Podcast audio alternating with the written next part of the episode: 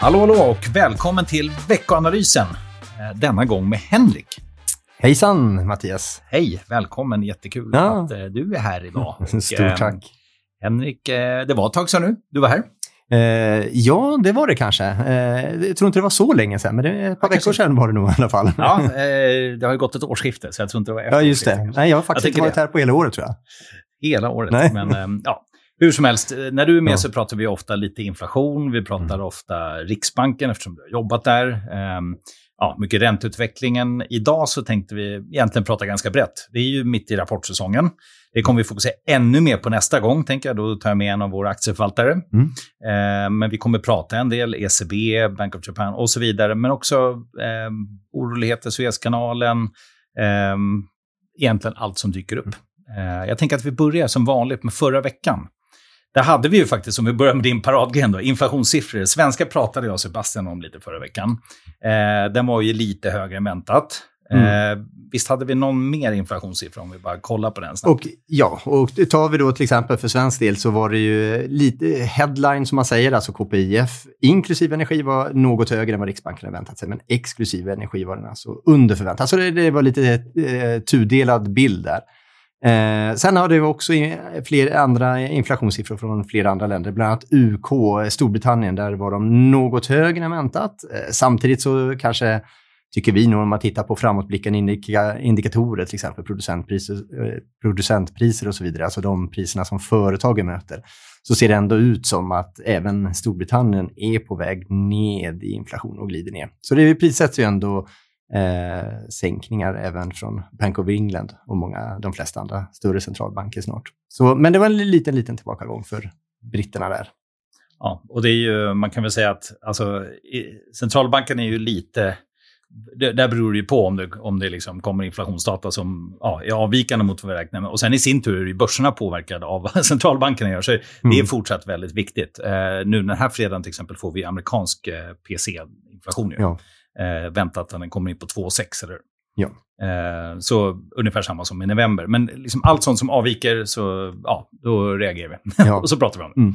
Eh, I övrigt förra veckan, om man bara kollar på statistik, så kommer ju bland annat detaljhandeln i USA. Det nämnde vi kort förra veckan. Den var faktiskt en snabbare takt än väntat. Så det är det här som vi pratade om förra gången, att amerikansk ekonomi är, är ganska stabil och håller upp. Det fortsätter i alla fall. Mm. Så kul. Exakt. Eh, och sen det sista, om man liksom håller förra veckan då snabbt, är väl kanske rapportsäsongen där vi Mm. fortfarande i Sverige hade väldigt lite rapporter, men i USA så kommer då Morgan Stanley Goldman. Jag kollade faktiskt aldrig på Morgan, men eh, Goldman Stanley toppade estimaten. Men det är ju vikande försäljning framförallt i investmentbanksdelen där. Mm. Eh, men toppade förväntningarna gick upp på det. Ja. Så. Ja, nej, var alldeles, amerikansk ekonomi är ju till många delar eh, stark även på konsumtionssidan om vi tar hu- detaljhandeln men också arbetslöshet. Arbetsmarknaden har ju, vi ser ju vissa så här framåtblickande indikatorer viker, inte lika mycket lediga jobb. Men generellt sett arbetslöshet har, är på låga nivåer. Eh, amerikansk ekonomi har ju gått bra jämförelsevis. Ja. Verkligen. Mm. Det är riktigt draglok. Ja. kan vi kalla det. Men okej, om vi kikar lite mer på den här veckan då. Mm. Eh, det kommer massa rapporter, det kommer vi in på alldeles snart. Mm. Eh, börjar vi återigen med det kanske du fokuserar mest på då. Eh, vad har vi då? Eh, Jag tänker på inflationen nämnde vi att det kommer PC-inflation. Ja. Eh, centralbanksbesked har vi ju faktiskt en del. Ja, eh, vi har ju ECB. Vi har, vi har lite koppel centralbanker faktiskt. Vi har till exempel Bank of Japan, Bank of Canada, vi har ECB och vi har Norges Bank. Eh, man kan väl säga generellt sett så är det ingen som förväntar sig att centralbanker ska börja eh, röra på sig riktigt än, inte ens Bank of Japan, även om har pratat om det länge. Men det som kanske har varit lite intressant är ju då ECB, att väldigt många företrädare har varit ute och diskuterat när en eventuell sänkning skulle kunna komma.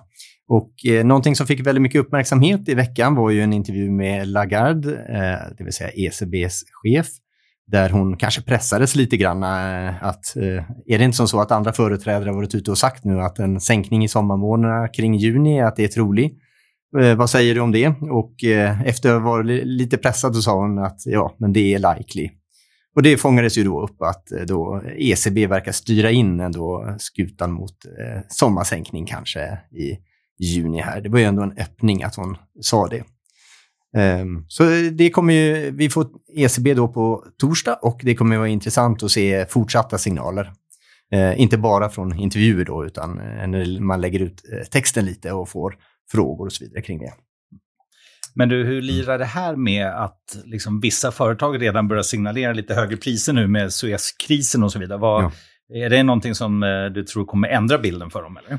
Vi, vi, tror ju ändå att inflationen är på väg ner i de flesta regionerna i Sverige, Europa och även eh, USA. Eh, PCE till exempel som vi får eh, ligger kanske lite lägre då än KPI som vi fått in, men vi tror att trenden är på väg ner även i räntor. Men du har alldeles rätt i det. det vi följer ju väldigt noga det som händer kring Röda havet och Suez. Eh, vi kan se det på olika indikatorer att till exempel fraktkostnader och så vidare har stigit. Och vi vet ju från förra gången när eh, inflationen gick upp ganska kraftigt kring 2021 att en del av det var utbudsstörningar. Sen var det speciella tider, pandemin, det kanske var efterfrågerelaterat samtidigt. Vi hade en efterfrågan samtidigt som det var få varor som kom. Så vissa saker skiljer sig åt, men likväl, det är klart att eh, vi måste följa detta så att det inte börjar ge avtryck på priserna. Mm. Än så länge så vet vi att det har gett lite avtryck. Vi fick ju via både Tesla, tror jag, Volvo Cars som har varit ute och sagt att de har sett produktionsstörningar i Europa på grund av det här. Så det är klart att det, det finns ju företag som börjar märka av det redan. Så det är ju någonting vi följer. Men som sagt, Eh, än så länge så är ändå vårt huvudscenario att det är för mycket indikatorer som pekar ned, så vi tror ändå att inflation och räntor är på väg att glida ner. Mm. Och eh, ja, eh, vi brukar ju säga det att sån här geopolitisk oro, som till exempel här i Suezkanalen, att det inte alltid i alla fall har en långsiktig effekt. Men kortsiktigt så brukar det liksom, just valutor och räntor och sånt ja. brukar ändå påverka. Så jag tycker lite grann att man på ett sätt ser det nu. Man ser att kanske räntor har liksom, ja, reagerat lite på det. Svenska kronan har försvagats mm. igen efter att ha haft ett ganska bra ja. avslut. Men börsen, i alla fall globala börsen, har ju verkligen inte brytt sig. Utan Nej. det är ju nytt all time high på S&P 500. Svenska börsen går för svagt, men global börs hittills i år 4% upp. Och det är som vi skrev i huvudrubriken på vår veckoanalys denna vecka. Förvånansvärt bra inledning på året. Ja. Det var lite, man tänker, mycket av diskussionerna har ju rört sig kring de här Röda havet, Suez och problem och så vidare. Mm. Och ändå, precis som du säger, så när vi blickar vad det då hänt med globala börser så eh, ser det ju bättre ut än man hade trott kanske. Ja, precis. Jag tänker att det här är en perfekt inledning på det vi ska prata om nu. ja. Vår strategirapport som ja. vi faktiskt också släppte förra veckan när du säger att förvånansvärt. För oss kanske inte eftersom vi faktiskt har lite övervikt mot aktier. Eh, vad är det egentligen, om du bara drar några sådana här huvud, eh, ja, case, vad, vad, är det vi säger i, i den här rapporten?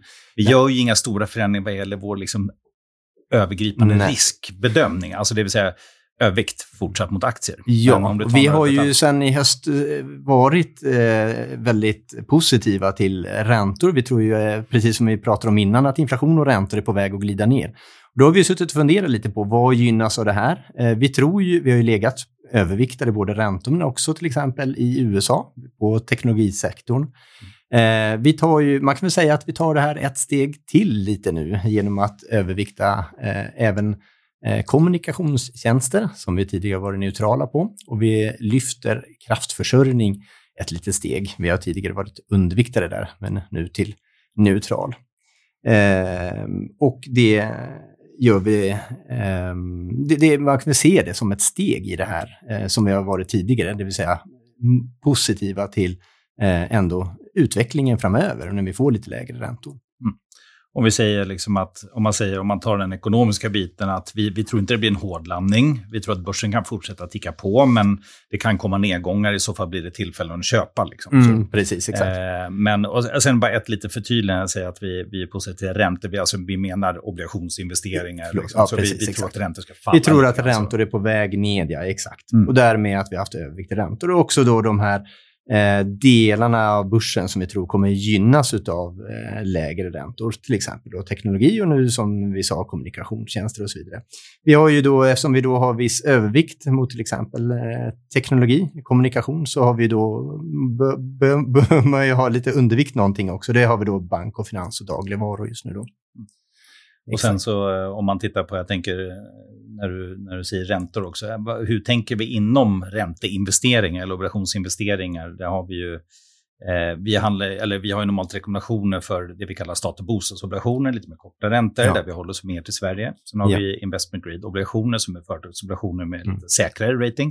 Och sen har vi high yield-obligationer, det är ju de tre egentligen segment som vi normalt sett eh, betygsätter. Då. Och nu är det så, här, vi har ju vår strategiska vikt, en ganska stor del eh, stats och bostadsobligationer, men vi har en viss undervikt mot det. Vi tycker att det finns, de ligger inte på riktigt lika attraktiva räntenivåer som företagsobligationer ligger. Vad gäller just statsobligationer, om vi tar i Sverige, så vet vi det att Eh, Riksbanken eh, har ju haft ett stort innehav av statsobligationer och håller nu, just nu på att sälja ut dem. Eh, vi vet också, eller med stor sannolikhet så, tror, så kommer de också öka takten i de här försäljningarna. Så just statsobligationer har vi varit lite försiktiga till. Eh, vi har istället en, haft en övervikt eh, i high yield, och vilket har ju tjänat oss väldigt bra under hösten. Jag vet att det var många som var tveksamma till high yield. Det är ju större risk.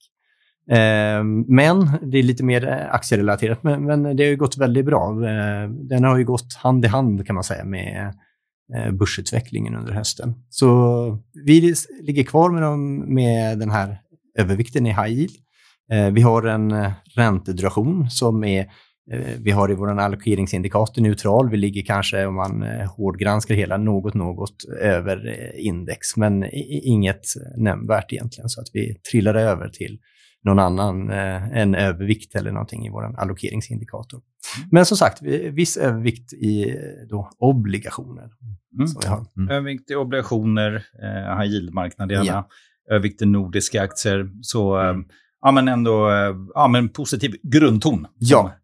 Vissa säger. Och, eh, det är som sagt, precis som du sa, det har ju gått bra nu. Det går ju bra just nu då. Vi har, precis som du säger, fått en fin start på börsen, eh, globala börser nu under eh, året. Och inte minst eh, teknologisektorn som är en av dem som har drivit den här utvecklingen egentligen. Upp 8% i år, 7 ja. för kommunikationstjänster, så riktigt bra utveckling. Så. Ja. Tänkte om vi avslutar strategirapportsdelen, vi behöver ändå nämna, vi har ju faktiskt lite sådana här fokusdelar. Jag rekommenderar verkligen att kika på dem. En mm. del handlar om supervalår. Vi pratade, jag och Sebastian, en del om valår eh, förra veckan. Mm. Det händer ju hela tiden nu med amerikanska valet. Senast är att Ron DeSantis hoppar av. Mm. Eh, så jättespännande att läsa där. Mm. Eh, jag skrev faktiskt en krönika i strategirapporten. Det händer inte varje dag. Eh, den är en liten tillbakablick till 1999 och millennieskifte. Mm. Eh, och sen så har vi också en temadel som handlar om svenska fastighetsbolag. Mm. Eh, ganska spännande och inte minst också räntekänsligt, eller hur? Ja, exakt. Eh, vi, vi har ju i en nordisk aktieportfölj eh, fastighetsinnehav. Vi skriver ju om att vi har eh, eh, Castellum och Fabg. Det har ju också tjänat oss väl att vi har en viss övervikt mot dessa. Men eh, vi ser fortfarande att det kan finnas potential för fastigheter framöver. Men det är en väldigt intressant eh, genomgång av fastighetsmarknaden i stort, men också de här två bolagen i en fokusrapport. Och när vi ändå pratar om bolag, så mm. perfekt övergång till faktiskt att prata lite mer rapporter. Det kommer ju en hel del fler rapporter den här veckan. Det är nu det drar igång i Sverige framförallt kan man säga. Och eh, Atlas Copco är ett sånt bolag som kommer, ett stort bolag, 780 miljard i börsvärde. Eh, och kommer tidigt, viktig indikator för resten av verkstadsindustrin, men vi har också in Sandvik och Volvo under veckan. Så, så ganska mycket spännande och Atlas Copco med avgående vd eh, kommer upp mm. torsdag, eh, väntas öka omsättningen och resultat med 10 respektive 23 procent jämfört med fjärde kvartalet 2022.